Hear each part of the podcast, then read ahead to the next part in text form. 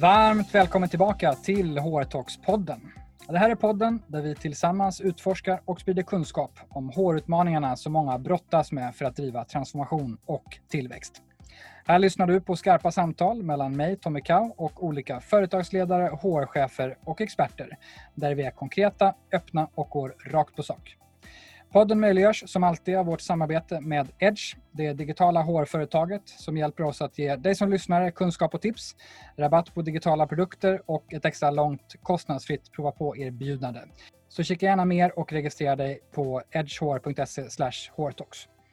Ja, och så här i tider av ökad distans spelar vi in detta avsnitt virtuellt från varsitt håll.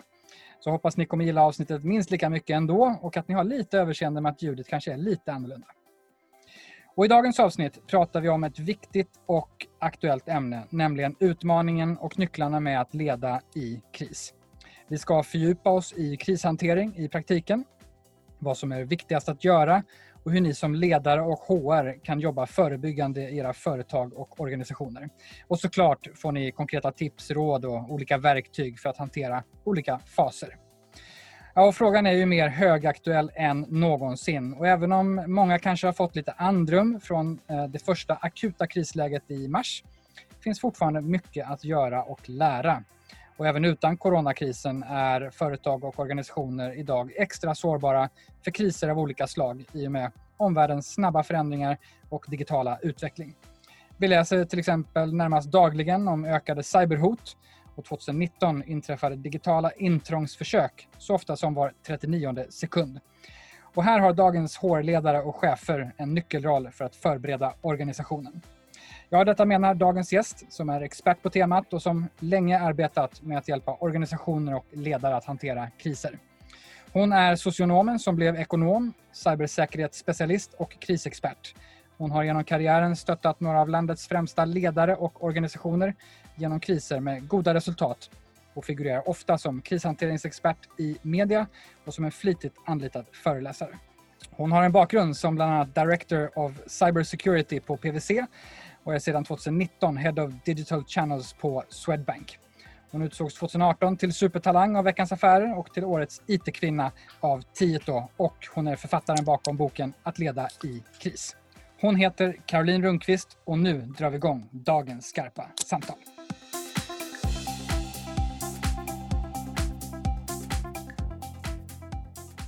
Hjärtligt välkommen till HR Talks-podden, Caroline Rundqvist. Tack snälla! Så roligt att äntligen vara här. Ja, verkligen. Det här ska bli eh, superkul och man blir lite nyfiken. Nu är du med i en podd om HR-utmaningar och hur känns det som kris och cybersäkerhetsexpert? Helt naturligt, säger jag då. För de här frågorna handlar ju såklart jättemycket om eh, medarbetarna och ledar ledarskap och eh, ledarnas förmåga att leda organisationer och verksamheter genom kris. Så för mig känns det supernaturligt faktiskt. Som du vet går vi den här podden rakt på sak. Jag är lite nyfiken på vad tycker du är den största utmaningen för ledare, HR och organisationer i en Eh, närmast lamslående kris som eh, covid-19 och coronapandemin? Jag tänker nummer ett handlar ju om att som ledare känna sig trygg med att så här, okej, okay, givet situationen som vi befinner oss i och så vidare så har jag de verktyg eller kunskap eller kompetens eller nätverk som jag behöver. Det tror jag är jag tror många som gick in i covid-19 situationen just nu som har drabbats så oerhört många, de hade ju kanske inte arbetat eller lett en organisation genom kris tidigare. Men nu är det ju så många som gör det samtidigt på så liknande sätt oavsett vilken typ av organisation eller verksamhet man driver. Men just den där kunskapen och tryggheten som ju är en jätteviktig del. Att känna att ja, men jag har verktygen och det är inte enkelt och det är inte självklart om jag ska välja om jag ska gå åt eh, riktning A eller B men jag ändå känner mig trygg med tillvägagångssättet. Det skulle jag säga är en sak. Och den andra grejen är alltid nästan kommunikationsdelen. Och då menar jag inte primärt den externa utan den interna kommunikationen. Hur ser man till att hålla sina medarbetare informerade, delaktiga så att de känner att de har den ja, information och kommunikation som de behöver för att sedan kunna driva liksom, den operativa verksamheten. Det tycker jag är en sån sak som jag ser att så många organisationer och ledare kämpar med. Men man blir lite nyfiken såklart på du som ser och genom åren har sett eh, många organisationer. Hur väl tycker du eh, svenska arbetsgivare eh, verkar vara rustade för det vi nu upplever? Vad, vad ser du? Det är svårt att ge ett generiskt svar på det. För, det. för det första så varierar det så otroligt mycket mellan olika branscher. Det finns ju de som är liksom regelverksdrivna att träna och öva och ha processer på plats. Och de är ju av naturliga skäl duktiga skulle jag säga. Där kan man titta på energisektorn eller såklart blåljusmyndigheterna eller banker till exempel som också är väldigt regelverksdrivna. Så det är klart att där finns det en hög mognadsgrad. Jag skulle säga att när det kommer till IT-avdelningar som också är vana vid att hantera driftstopp så är ju metodiken ganska mycket densamma som, eh, som en kris av annan art och det gör att de också är rätt duktiga. Och sen finns det ju såklart verksamheter, organisationer och branscher där man inte alls har samma erfarenhet eller mognaden och förståelsen för att vi lever i en tid där kriserna säkerligen kommer att bli fler och fler mm. inte riktigt har funnits. Så, utan man mer håller tummarna för att det inte ska hända någonting. Lite så. Men om man, om man som krishanteringsexpert eh, kollar in i den här krisen, vad, vad är det du ser som eh, markant skiljer den här krisen från tidigare? Utifrån också kanske krishantering? Nej men ja, den stora är ju att den påverkar så många människor, ehm, så många verksamheter, eh, alltså rakt över. Och det är ju länge sedan vi såg en kris i Sverige som gjorde det på det här sättet, eller i världen för den delen. Och som samtidigt också har den här känslomässiga ehm, komplexiteten därför att det handlar om hälsa och liv och död i förlängningen. Det skulle jag säga. Och det finns ju, jag tycker det finns mycket, mm, eller en hel del likheter med till exempel tsunamin och så vidare. Men eh, därför att den mm, berör då, även om den eh, påverkade direkt mycket färre människor så tycker jag att den berörde ju och känslomässigt lamslog på samma sätt. Även om det i det operativa och dagliga arbetet idag påverkar naturligtvis corona eller covid-19 då många fler personer. Kan det finnas en, jag tänker det som du är inne på att det här är något som påverkar ja, nästan alla. Och kriser kan ju vara både externa och interna men jag tänker lite nu att om det är en, om det är en kris som påverkar alla så borde man ju kollektivt så att säga lära sig väldigt mycket tillsammans och också lära sig att hantera krisen tillsammans. Eh, och samtidigt så finns det många organisationer som såg den här krisen mycket tidigare än andra men vars kunskap inte riktigt kanske trillade ner till de som sen blev chockade en och en halv, två månader senare. Vad är det du ser? Hur duktiga är vi på att hantera kriser tillsammans eller blir man naturligt väldigt sluten? Eh, och så även i det här fallet. Trots att vi alla upplever krisen samtidigt eh, och tillsammans. Jag tror att det finns en jättestor skillnad just nu och då ska jag gå till tillbaka lite och, och prata om krishantering generellt. Därför att vi ser ju när man har gjort studier och tittat på hur en kris påverkar en organisation eh, eller synen på en organisation säg ett år eller två år efteråt så kan vi ju se att det beror jättemycket på vilken typ av, eller hur förberedd man har varit ska vi säga, hur mycket processer och verktyg och så man har på plats och vilken typ av ledare, hur rustade de är och så vidare. Men vi kan också se att de som har haft någon typ av incident och inte hanterat den eh, ja, på ett önskvärt sätt så har det påverkat varumärke, aktievärdet, synen på eh, personer i ledande position och så, så otroligt mycket. Och det gör, eh, och samma sak då om man har haft liksom cyberbrottslighet eller varit utsatt för den typen av eller brotts, eh, incidenter. Och det är klart att det gör att det tidigare har funnits ehm, ja, men man pratar inte så himla gärna om att man har haft ett intrång eller man att kanske lägger locket generellt. Exakt så. Och även om man gör det internt så har vi liksom sett väldigt mycket att man kanske har ja, men gett de anställda munkavle nästan, att inte ja, men kommunicera det externt och så vidare. Och jag tror skillnaden just nu som ja, men, kanske kan man hoppas också att det blir någonting som man vill ta med oss. Att ja, men, kriser händer och hanterar vi dem tillsammans öppet och transparent så har vi allt att vinna på det.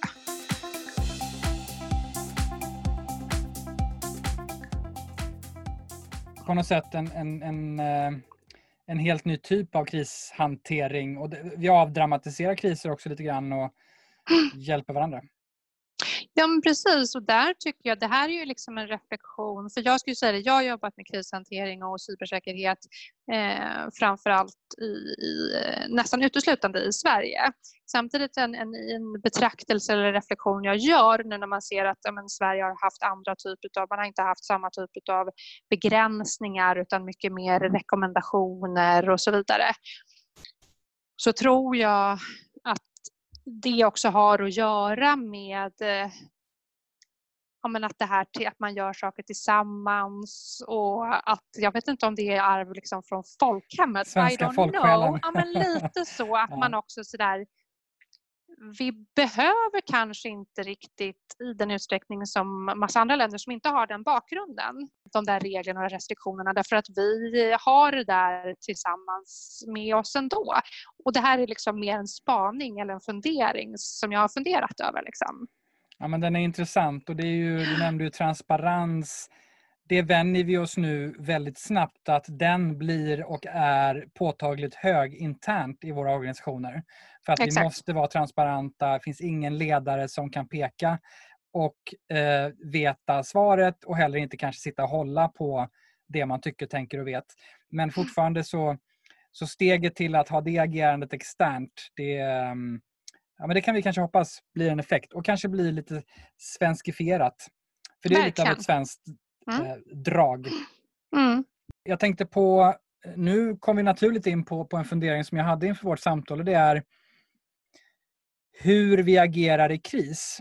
Alltså om det finns olika stilar i krishantering och hur vi kan se hur dessa spelas ut nu. Du var inne på de nationella stilarna kanske, men om man pratar lite mer kanske eh, utifrån ledarskap och organisationer och, och, och krishantering. Vad, vad, finns det någonting där?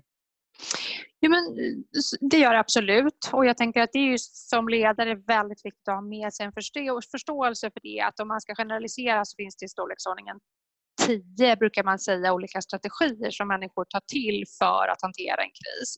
Och det kan ju vara allt ifrån att man eh, ja, men, eh, blir väldigt analytisk, lite paralyserad, fastnar i analysfasen, kommer inte vidare i agerandet. Det skulle kunna vara ett exempel till alla de här som vi ser som liksom blir hjältar eh, för att de Ja, men in, I början av eh, covid-19 så var det liksom alla de här personerna eller restaurangerna eller så vidare som levererade mat till sjukhusen som blev hjältar för att de ville agera fastän uppdraget kanske från början var att hålla sig hemma och minska smittspridning så handlar det inte om... Det är också en strategi för att hantera en kris eller en extremt pressad situation. Då, då.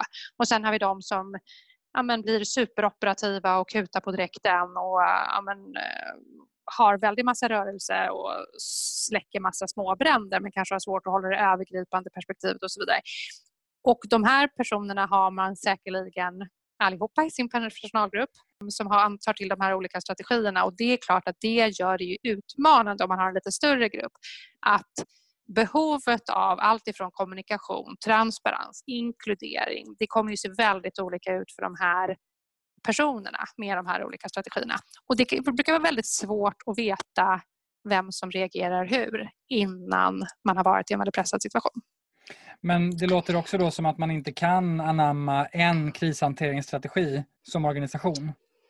Jag tror att man kan ha en krishanteringsstrategi, absolut. Sen tror jag att i kommunikationen och vissa delar av strategin, till exempel hur nära man behöver ligga sina medarbetare, så tror jag att eh, den behöver se olika ut. Alltså, mm, vissa personer eller grupperingar, de har ett mycket större behov av att hålla sig informerade eh, väldigt regelbundet och kanske då också att ja, men, eh, två gånger om dagen och där det handlar om att just nu har vi ingen ny information eller sådär. de har ett jättestort behov av det. Medan eh, ja, men andra grupperingar känner ja, men jag känner mig trygg med och har förtroende för att jag kommer att få information när det finns sån och jag jobbar på med mitt tills så. Och jag tänker sådär, det där är ju det ledarskap handlar om generellt. Det är det ledarskap handlar om, punkt. Och sen blir det liksom i ett väldigt uppskruvat läge under en krissituation. Men att kunna ja, men, se det där och ja, men, anpassa kommunikation, ledarskapsstil eh, i viss utsträckning mot de här olika strategierna eller personerna. Då. Det är väl precis det ledarskap handlar om, tänker jag. Du har gjort ett eh, uppmärksammat och måste säga förträffligt eh, TED-talk där du pratar om likheterna mellan privata och professionella kriser. De som inte har sett det bör definitivt gå in och, och, titta och lyssna på det. Och just nu så går ju väldigt många, kanske till och med de allra flesta, verkligen igenom både och. Mm. Vill, du utveckla det lite grann? För jag tror att man sitter med den här eh, kombinationen eh, så påtagligt, möjligt kanske för första gången till och med för många, så skarpt om jag bara ska summera då vad det TED-talket handlade om. Det, det, är ju liksom att det är ju inom krishantering på organisationsnivå eller på företag och så, så handlar det ju väldigt mycket om det här med hur förberedd man är eller hur mycket man har satt upp processer eller man arbetar proaktivt och det kallas ju om att bygga resiliens eller robusthet. Och TED-talket handlade ju om vad händer om man gör det på det personliga planet därför att det enda vi vet om livet på något sätt är att det för alla människor i olika utsträckning och med olika frekvens så kommer kriser att inträffa. Och hur kan man bygga upp den där robustheten innan då? då? Och jag tror ju att processen ser, eller behovet av den där robustheten och grunden den finns på båda, på båda nivåerna. Både på det personliga planet och det, det professionella. Så oberoende om det är en professionell eller personlig kris så är tillvägagångssättet eller approachen eller förmågan att förbereda sig ungefär samma. Sen är det klart att skalan och vad man tar till professionellt kan skilja sig. Men exakt, precis så. Och sen så tror jag också att det handlar ju väldigt mycket om på det personliga planet, precis egentligen som på, på organisationsnivå, om att ha själv eh, att, känna, att, att eh, självkännedom också, att förstå att men den här organisationen eh, den fungerar så här, jag fungerar så här, jag behöver det här när jag är i personlig kris. Eh, och att kunna tillgodose de behoven precis som att, så det är ju inte riktigt, även om metodiken kan se annorlunda ut så gör ju inte den specifika lösningen i varje enskilt fall det utan eh, tillvägagångssättet kommer ju att se lite olika ut eh, såklart därför att det är olika organisationer och man kommer med olika arv och precis som man gör det på det personliga planet. Så.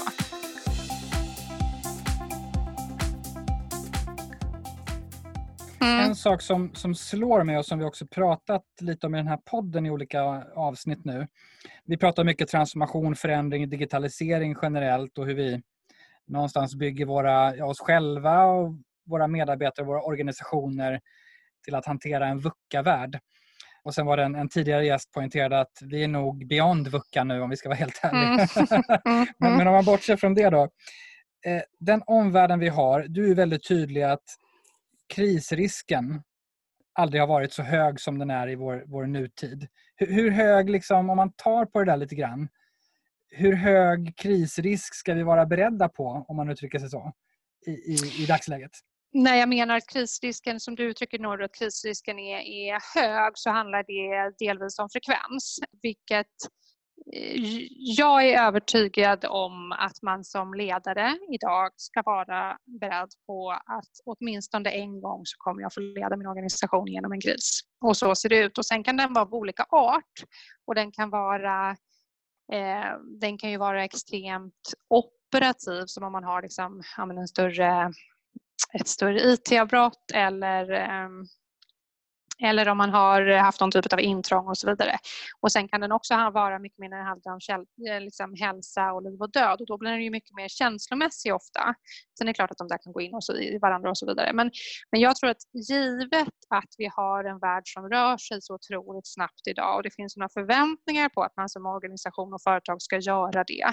Eh, ständig framdrift, ständig digitalisering och de kraven som finns på organisationer gör att man ibland, jag tycker att jag har sett att man ibland eh, springer för fort på digitaliseringen och får inte till det där med resiliensen och robustheten. Och det kan ju handla alltifrån liksom IT-säkerheten till organisationsmässigt eller change management i organisationen. Men det där att vi springer på i en hastighet som gör att vi inte hinner säkra robusthet och resiliens, det resulterar i att kriserna kommer att bli fler och fler. Ökar risken nu i spåren av covid-19 pandemin och den mycket snabba Eh, extra digitalisering som en del organisationer nu eh, går igenom? Ja, det är klart att den gör.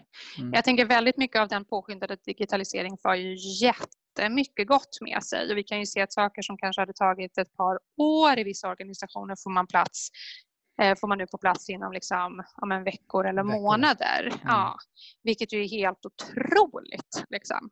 Jag tror att man när den akuta krisen har lagt sig så tror jag också att man behöver gå tillbaka och titta på, okej, okay, givet de här eh, processerna som vi fast-trackade, var har vi de riktiga sårbarheterna? Eh, om man behöver göra den, det blir liksom en riskanalys man behöver gå tillbaka och titta på.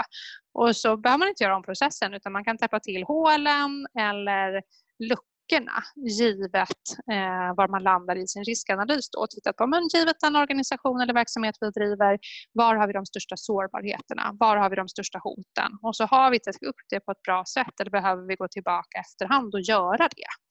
Så det det tycker jag ska vara en del av när man börjar arbeta med återställningen sen, som ju är en väldigt viktig del av en krishantering och som väldigt många organisationer inte har ork att prioritera av massa naturliga skäl. Men jag tycker att det där borde vara en viktig del av återställningsprocessen. Apropå digitala risker och eh, digitala hål så att säga. Mm. För att ta vidare ditt resonemang.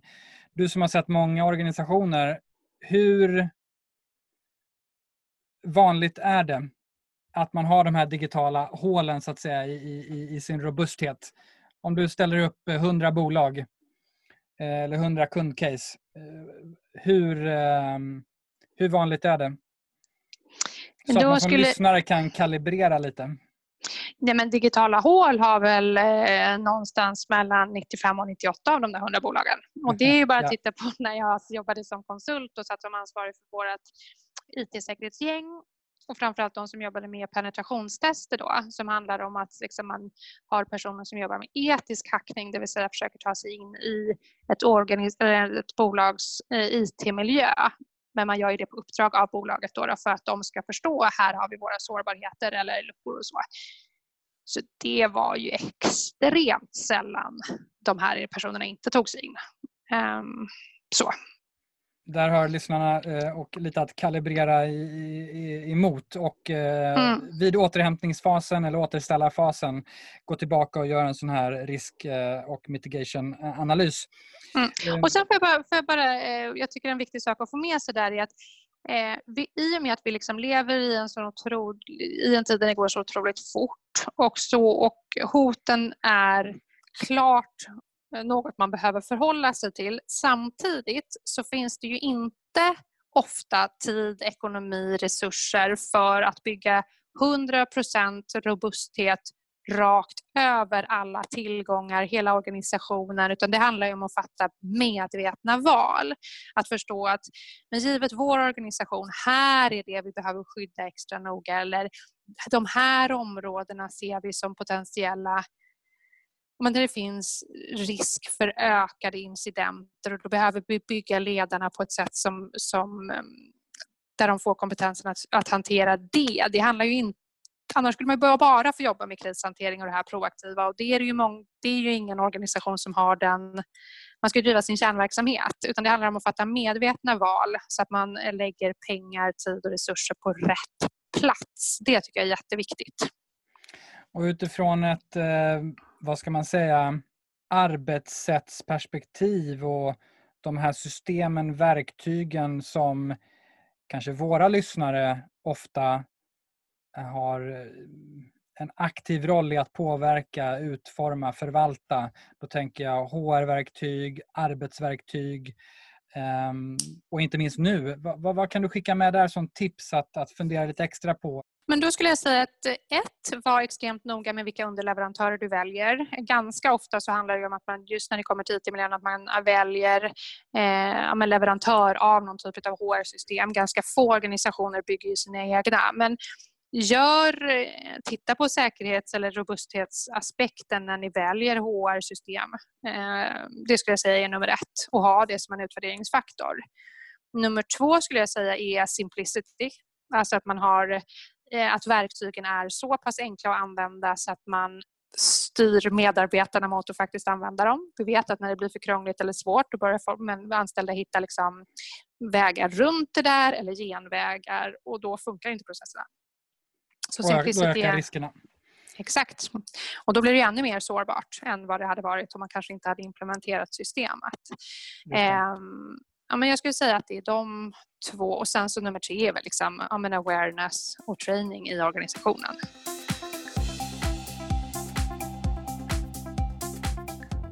Men låt oss prata lite om hantverket och processen för krishantering. Det känns lite som att själva definitionen på vad som är en kris också lite har förskjutits. Nu kan vi kanske prata om ganska många år, men, men även små saker kan ju vara eller leda till en stor kris idag. Mm.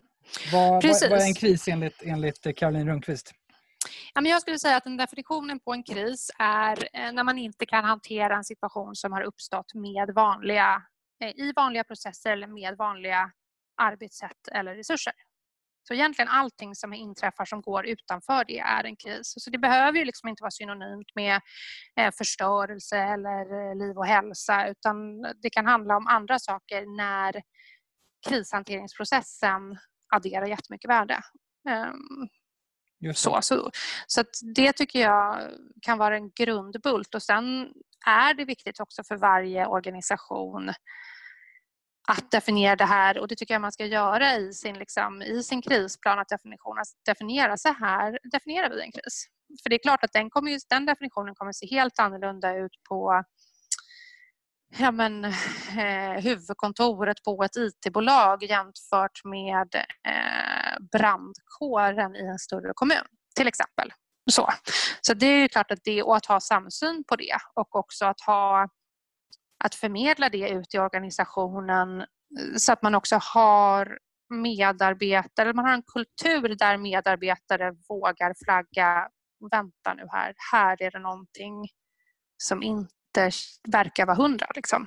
För ofta är det ju så, nu är ju liksom eh, Vissa kriser upptäcker man ju med dunder och brak och det inträffar någonting som helt plötsligt bara är där och man måste förhålla sig till. Andra kriser kommer ju väldigt smygande och det handlar om att man kanske får en ledtråd efter en efter en och att då liksom i ett tidigt skede förstå okej, okay, vi behöver nog koppla in krisprocessen är viktigt därför att ju tidigare du gör det desto större effekt får det det, det är just, just att definiera vad är en kris och sen så få ut det där i kulturen. Att, eh, så att alla vågar liksom, ja, trycka på knappen eller dra i klockan och titta på är det här någonting vi behöver undersöka om det är en kris eller inte.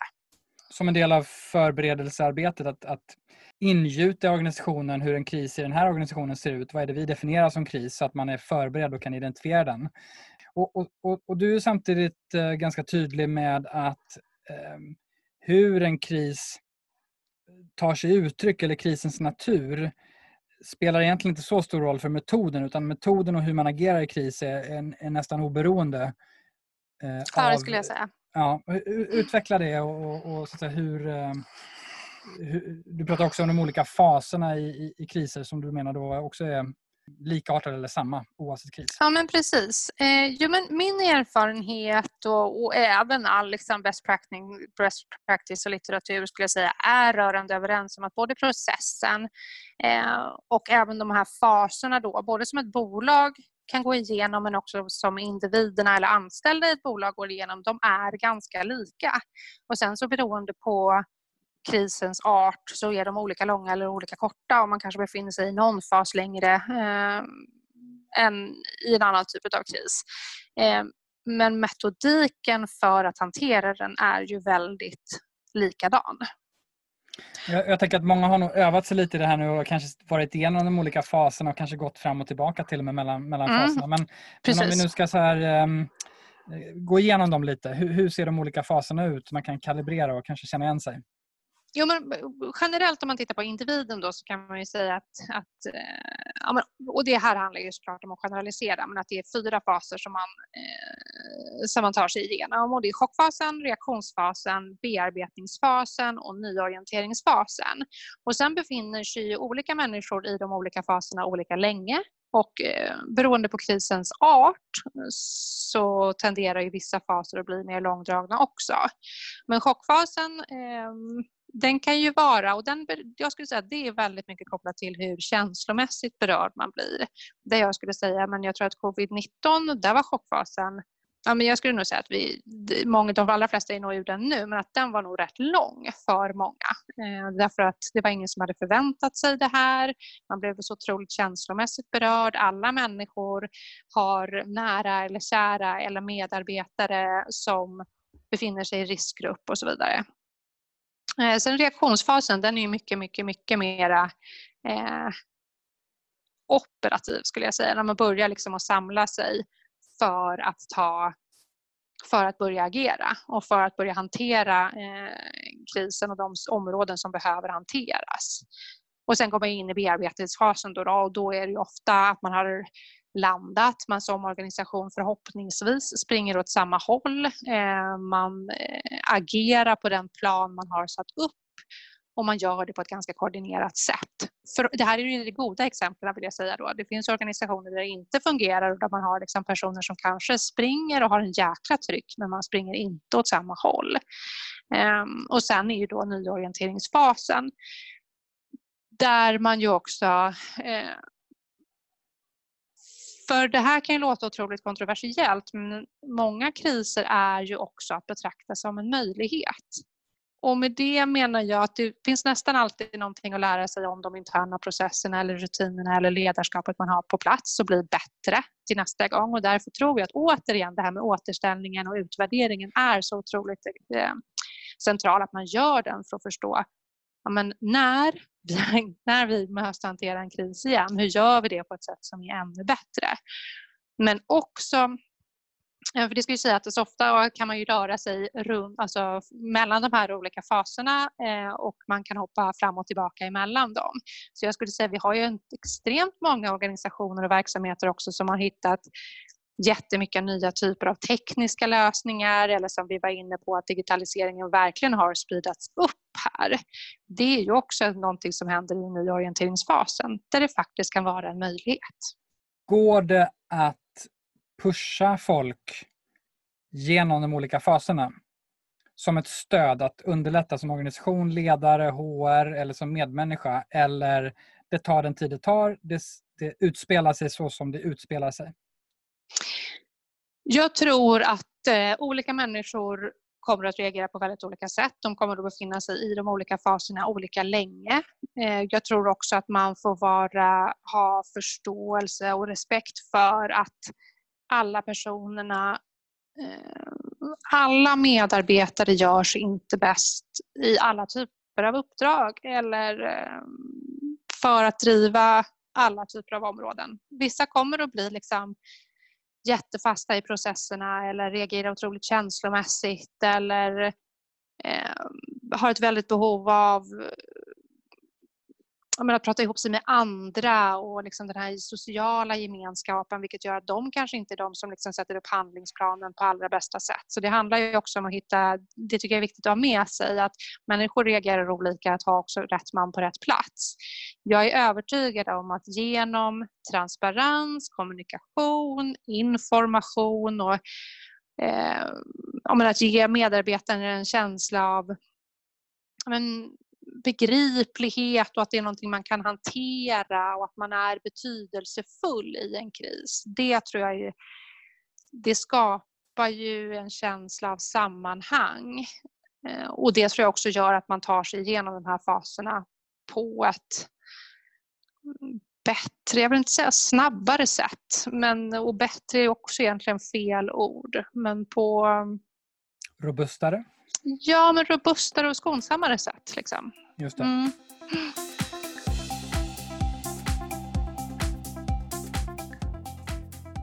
En sak jag tyckte var intressant det här med, som du är inne på, liksom återställningsfasen eller återställningen.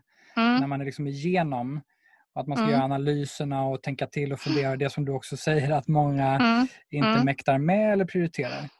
Hur, hur gör man en sån riktigt eh, bra? Vad är dina tips på det? Ja, men, eh, alltså först skulle jag säga att det finns ju jättebra checklistor om alla för det och antingen finns de på nätet eller så kan man hitta dem i min bok och så vidare som jag tycker att man liksom ska ha med sig i återställningen. Och det man kan göra just nu om man inte redan har börjat titta på det. Det är ju många företag jobbar ju remote eh, och man har anpassat sin verksamhet och var folk sitter på olika sätt. Men att börja till exempel kartlägga för men hur ska vi göra när vi släpper tillbaka personalen till sina vanliga arbetsplatser? Hur ska det gå till? Det kanske inte är så att vi har möjlighet att släppa tillbaka alla samtidigt utan hur ska vi prioritera kritiska resurser till exempel som behöver ha förtur till till kontoret, hur ska de komma på plats först och hur ser vi till att ändå ha team distribuerade kanske och så vidare. Så de, alla de där grejerna kan man ju börja planera för redan nu. Och sen så tycker jag också att det är viktigt um, att uh, tydligt definiera när krisen Eh, krissituationen är slut. Och det betyder inte att det inte kommer finnas saker kvar att göra, för det gör det ofta ganska lång tid efter. Men att från och med eh, så här definierar vi när krisen är slut och det betyder att hanteringen ska återgå till linjeorganisationen. Att man behöver inte göra det i en krisledningsgrupp längre eller eh, med med andra processer och rutiner utan det kan ske i normal verksamhet. Och det är också viktigt att definiera det. Och sen tycker jag att just det här med liksom utvärderingen, både ur vad lärde vi oss, vad gjorde vi bra, hur kan vi bli bättre till nästa gång, både på liksom organisatorisk nivå, men det kan man göra på teamnivå, man kan göra det ja, för sig själv som ledare också. Och också efterfråga det, även om det kan vara känslomässigt tufft, men liksom efterfråga det från sina medarbetare. Att, ja, men, det här var en jättesvår situation och jag vill bli bättre. Och vad, liksom, om du säger en till tre grejer som jag kan göra bättre till nästa gång. Så att man blir bättre och ökar den där känslan av liksom, trygghet och kompetens och, och så vidare till en eventuell nästa gång. Då. Sen finns det ju någonting som många sitter med, eh, har suttit med framförallt. det är ju krisscenario eller scenarioplanering utifrån hur krisen utvecklar sig. Eh, och planering därefter. Från dig med din erfarenhet, finns det några eh, medskick kring hur du på ett bra och effektivt sätt jobbar med krisscenarion och planering mm. i ett sånt här läge? Ja, men jag tänker att det finns, eh, det finns ju två perspektiv. Dels så finns det det som man kan göra proaktivt, det vill säga när, alltså att man har vanliga krisövningar. Eh, och där man kan ha antingen liksom en skrivbordsövning där det handlar om att man ska ha ett lärande resonemang och och, eh, och resonerar sig kring ja, men, om A och B och C händer, hur ska vi agera då? Och Ofta gör man det i en ledningsgrupp eller i eh, krisledningsgruppen. Och sen finns det också att man kan öva då med simuleringsövningar. Det handlar om att man försöker skapa en situation som är så lik en krissituation som möjligt. Vilket går jättebra att göra även om det eh, på ett teoretiskt plan låter som att det skulle vara svårt. Mm, så det är den ena, ena grejen och där är också mognadsnivån väldigt olika därför att mass, en del typer av branscher som vi var inne på tidigare, de har ju regelverk, alltså de har krav på sig eh, ur ett regulatoriskt perspektiv att de ska genomföra övningar. Då. Men, men att göra det här eh, under krisen kontinuerligt, för mig handlar det om att göra en, en lägesbild och att förstå dels men, vilken och jag brukar göra det då med liksom en vanlig fyrfältare som innehåller fyra stycken fält. Så den första handlar om fakta. Men vilken fakta har vi om situationen? Och det kan ju låta så enkelt att skriva ner det. Men det är inte det. Och det är liksom jätteviktigt att sortera med vilken fakta har vi. Vad är bekräftade källor? Vad är saker som media rapporterar som vi inte vet någonting om? Eh, och så vidare. Och sen i nästa fält då skriva ner med vilka antaganden kan vi göra om situationen. Och det handlar ju om att givet den faktan som vi har skrivit ner och givet vår samlade erfarenhet och kompetens i rummet, vart tror vi att den här situationen kommer att ta vägen? Och det handlar ju om att göra ett, ett och jag brukar säga, för alla brukar alltid fråga, men hur, hur pessimistisk eller optimistisk ska man vara i det där? Jag brukar säga, men att köra ett, worst, ett rimligt worst case scenario brukar vara ganska bra. För då planerar man och sätter in actions utifrån det. Och det är alltid bättre att skala ner än vice versa. Men jag tänker och det, att det känns som att många har övat sig i nu. Och jag tänker att, att den här metodiken blir extremt Eh, för sen då tittar man på ja, inriktning och actions då på det.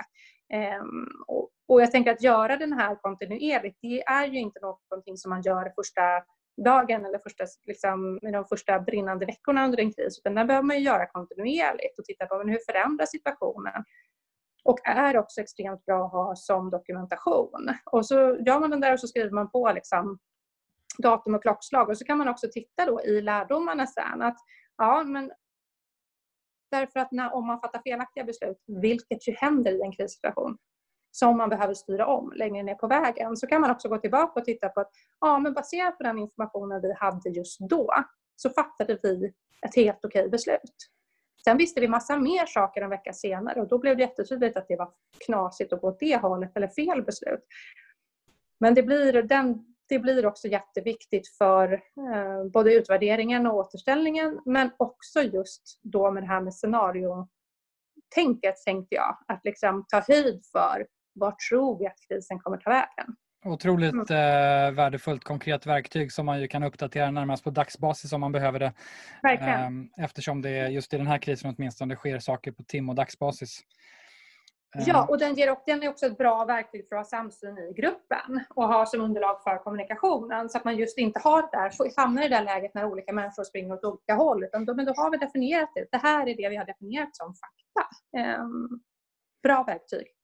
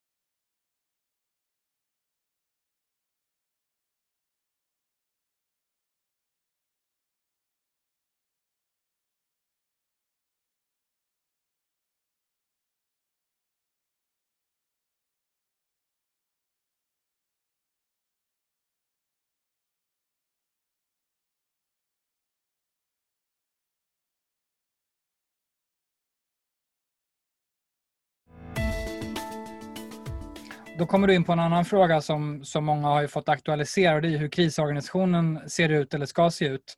Och det är klart, det du nämner nu är ju mer eller mindre svårt beroende på hur stor krisorganisationen är, hur, hur den ser ut och så vidare.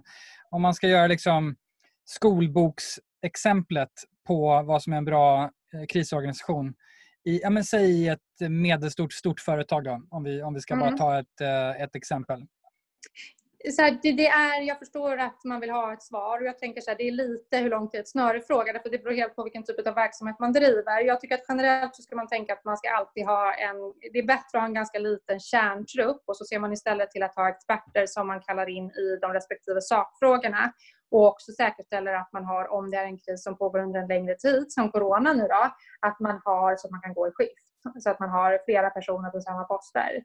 Eh, men man behöver ju ha någon som, eh, alltså logg och, eh, och, dokumentation är givet. Jag tycker att man ska ha en person som sitter bara med det, med dokumentationen. Därför att det är svårt att göra samma saker, eh, flera saker samtidigt. Kommunikation, given. Eh, och då är det viktigt att ha inte bara externkommunikationen utan även internkommunikation som är minst lika viktig, om inte viktigare faktiskt.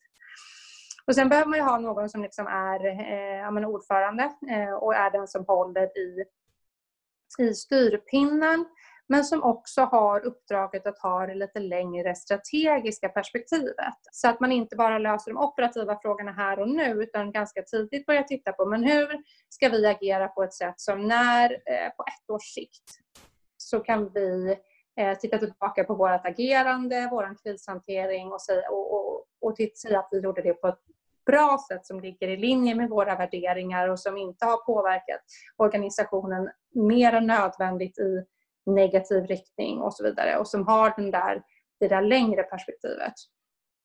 Och sen, behöver man, och sen behöver man ha ett antal eh, men, sakkunniga i. Jag tycker inte att man ska vara större än, lite beroende på verksamhet såklart, men inte fler än tio personer därför att det blir väldigt svårrådigt. Med undantag vill jag säga då för vissa blåljusmyndigheter eller sjukhus eller sådär, eh, som ju är lite speciella.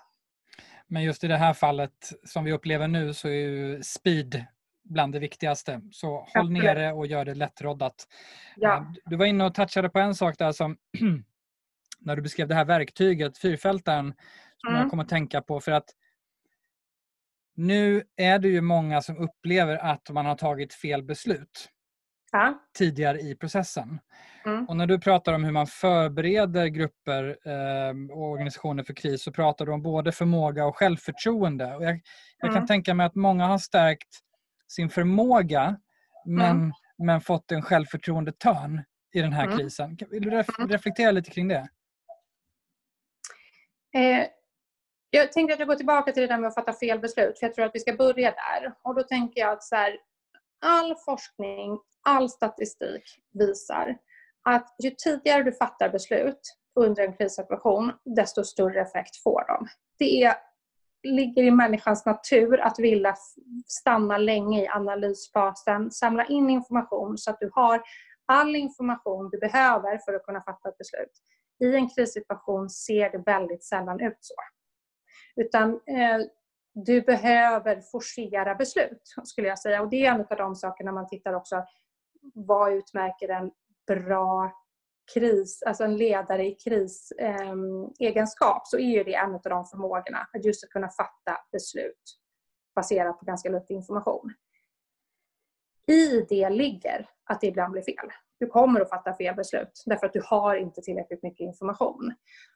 Och det där med fel beslut behöver man, tycker jag, omdefiniera. Dels så tycker jag inte man kan inte ha ambitionen att man ska fatta ett perfekt beslut som kommer att lösa hela krisen. Det handlar inte om det, utan det handlar om att fatta små operativa beslut som ständigt för processen framåt och som gör så att du rör dig framåt. Eh, jag tycker också eh, jag brukar rekommendera folk att i organisationer att i krisrummet, om man har ett sådant, skriva ut bolagets värderingar stort och sätta upp dem på whiteboarden. Därför att agerar man på ett sätt som ligger i bolagets värderingar, då blir det sällan fel beslut. Det tillsammans med att man liksom gör den här fyrfältan kontinuerligt, då blir man snabb på att upptäcka, okej, okay, här behöver vi styra om ett beslut. Då kan man göra det. Så att man ska liksom ha också, ambitionen är att fatta okej okay beslut. Mm. Det tycker jag är ett jätteviktigt ingångsläge funderar på det här som du nämner med värderingar eh, som riktlinjer och så vidare är otroligt relevant och vi har pratat om det också i tidigare avsnitt här. Och Det är lite som att det finns eh, en typ av organisation nu som, som levlar upp. Och som så säga, kommer gå starka och som nästan vinnare ur den här krisen om man kan eh, tala om sådana. Mm.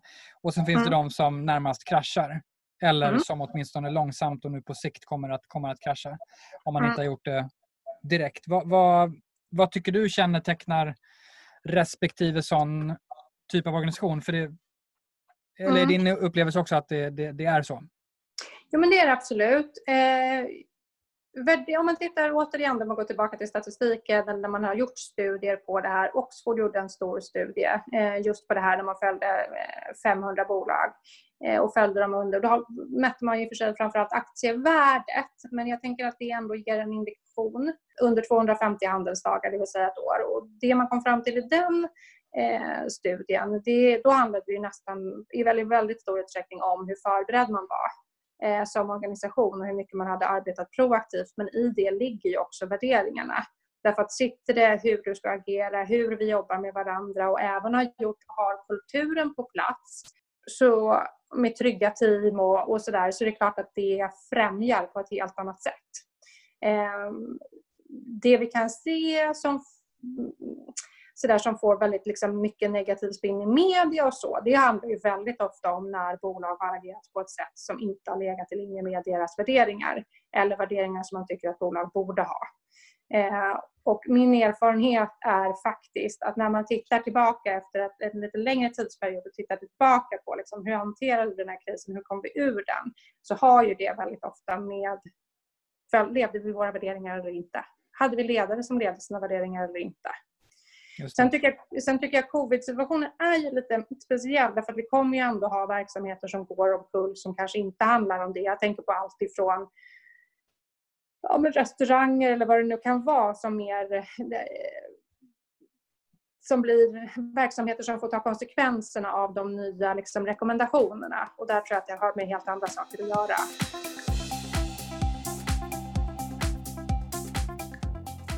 Jag tänker vi har fått in en del eh, spänstiga lyssnarfrågor eh, på alla de här temana. Vi ska väva in lite dem. Och ehm, vi har eh, några första frågor från Eva Marminger som är HR-utvecklare på Kompetensum.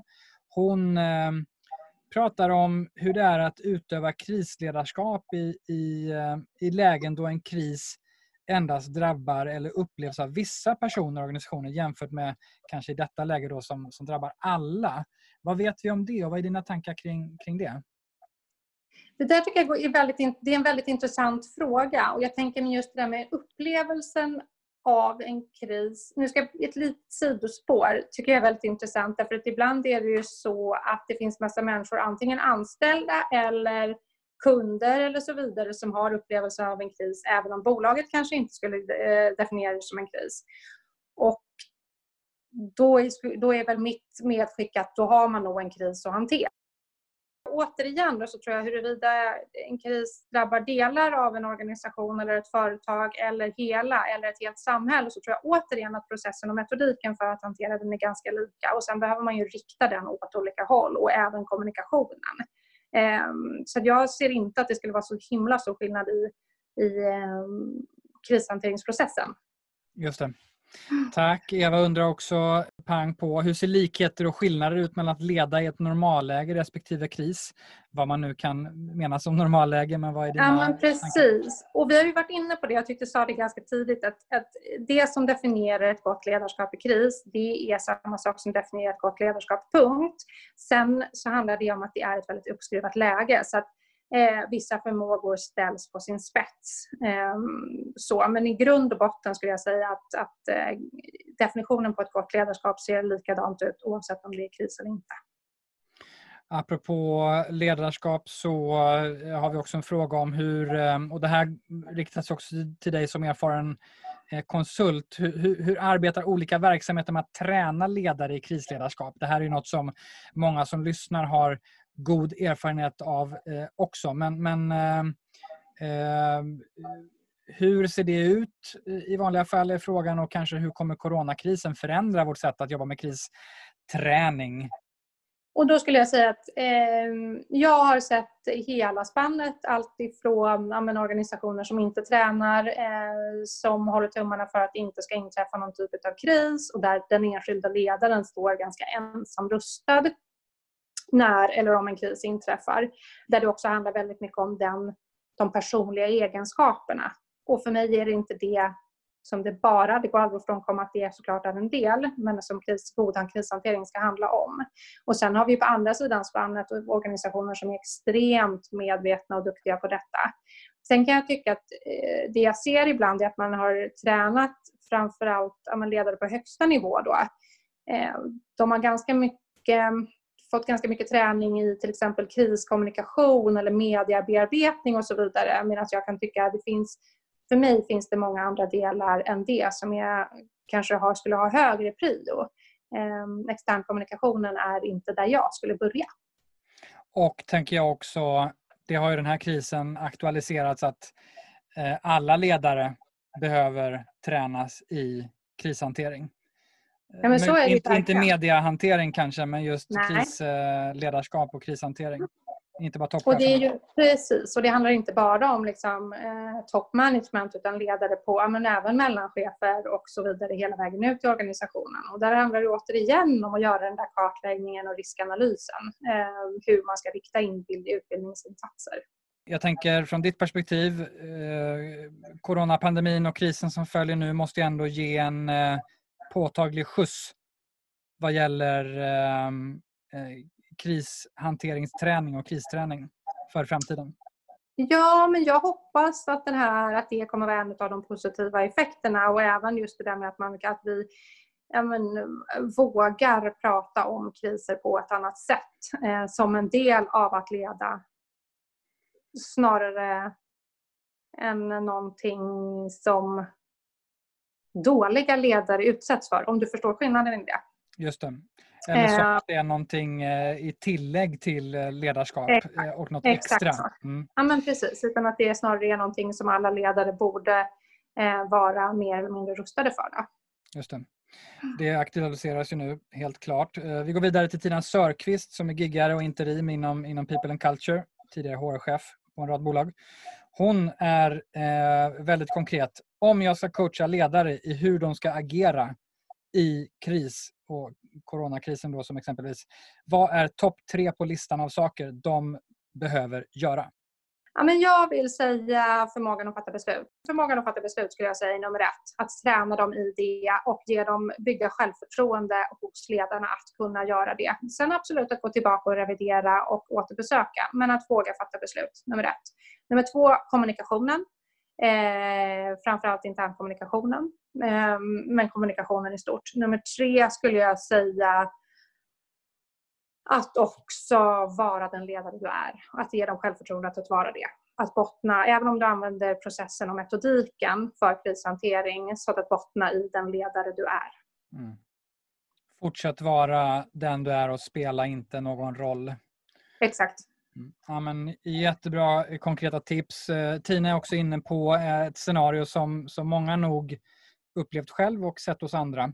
Och Det är vad man kan ge för tips till personer som upplever att de fryser, inom citationstecken. Det vill säga eh, som upplever att de blir handlingsförlamade. Finns det något man kan hjälpa dem med? Ja, där tror jag att det handlar om flera saker. Dels så tror jag att kunskap eh, ger självförtroende och ger en trygghet i hur man ska agera. Och ju mer kunskap och ju mer förberedd du är och mer förståelse för eh, hur processen ser ut, desto mindre är risken att frysa. Jag tror också att man ska ha en väldigt öppen diskussion kring eh, när man gör det proaktiva arbetet, eller det är bra när man gör utvärderingen i covid-19 situationen till exempel, att också det är inget Människor är olika. Det är inte ett nederlag att vara den som säger ja, men ja, det för mig tar det längre tid att hamna i det där, eh, kunna fatta beslut eller börja agera. Jag är inte den som ska ta täten i första fasen. Och det tyckte jag var så intressant när jag gjorde intervjuerna till min bok, bland annat när jag intervjuade polisen framför allt och de som hade hanterat eh, terrorattacken på Drottninggatan. Så där finns det en kultur där det är helt okej. Allt ifrån att säga ah, att jag har liksom bråkat med min fru på morgonen idag. Jag är inte helstadig, jag kan inte ta den här rollen.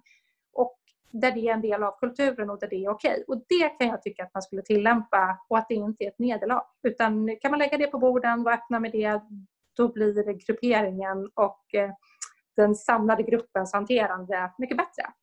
Eh, Tack så mycket Caroline. Vi ska börja avrunda och skicka med några slutgiltiga tips. Om du eh, ändå skulle försöka dig på att ge tips på en sak som lyssnarna ska ta med sig att man ska göra riktigt bra när man hanterar en kris. Vad tycker du att det ska vara? Får jag säga två? Allt är förhandlingsbart. Varsågod. Ja, men vad bra, då säger jag två saker. Ett, eh, våga fatta beslut. Se till att du har tillräckligt mycket kompetens och, eh, eller förmåga att våga fatta beslut. Nummer två är eh, agera på ett sätt som ligger i linje med bolagets och dina egna värderingar. Mm. Klart och tydligt. Eh, Tack så mycket. Finns det några övningar som du eh, vill tipsa om eller sätt att fördjupa sig? Nu kan man läsa din bok Att leda i kris såklart. Där finns det en hel del. Vad, vad vill du tipsa om mer? Eh, nej men jag, jag vill slå ett slag för den för jag tycker att den är väldigt bra. Sen om man är intresserad på området så tycker jag har ju läst till exempel Lotte Knutssons bok Nödrop. Även om den har ett par år i nacken så tycker jag det är väldigt mycket skolboksexempel. Eh, så den tycker jag är väldigt bra. Och sen finns det en hel del forskning och studier som man kan nörda i sig, ner sig i. Eh. Finns det referenser till det i din bok? Absolut. Ja, jättebra. Och vi har varit inne på ett antal verktyg man kan eh, träna sig i och eh, öva sig i. Så att det skickar vi helt enkelt, eh, helt enkelt med. Stort tack till dig Caroline Rundqvist för att du ville vara med oss i HR Talks-podden. Det har varit ett, eh, ett nöje att få nörda ner sig lite mer i, i hur man leder i kris och jag tror oerhört eh, nyttigt. Tack snälla för att jag fått vara med. Det var ännu ett skarpt samtal i HR-talks-podden. Stort, stort tack till dig som lyssnat och gillar du podden får du hemskt gärna prenumerera på den och betygsätta den i Apple Podcast eller Spotify. Följ oss, det kan du göra på HR-talks-podden på Instagram och LinkedIn. Och jag vill tacka vår samarbetspartner, digitala HR-företaget Edge, som är med och möjliggör att vi kan utforska och sprida kunskap via den här podden varje vecka. Kolla gärna in deras rabatter och prova på erbjudande på digitala produkter på edgehr.se hrtalks. HR-talks-podden ges ut av Kao Company, produceras av Media Mera och du hittar all info på hrtalks.se. Nästa vecka kommer ett nytt färskt avsnitt. Tills dess, ha det bra!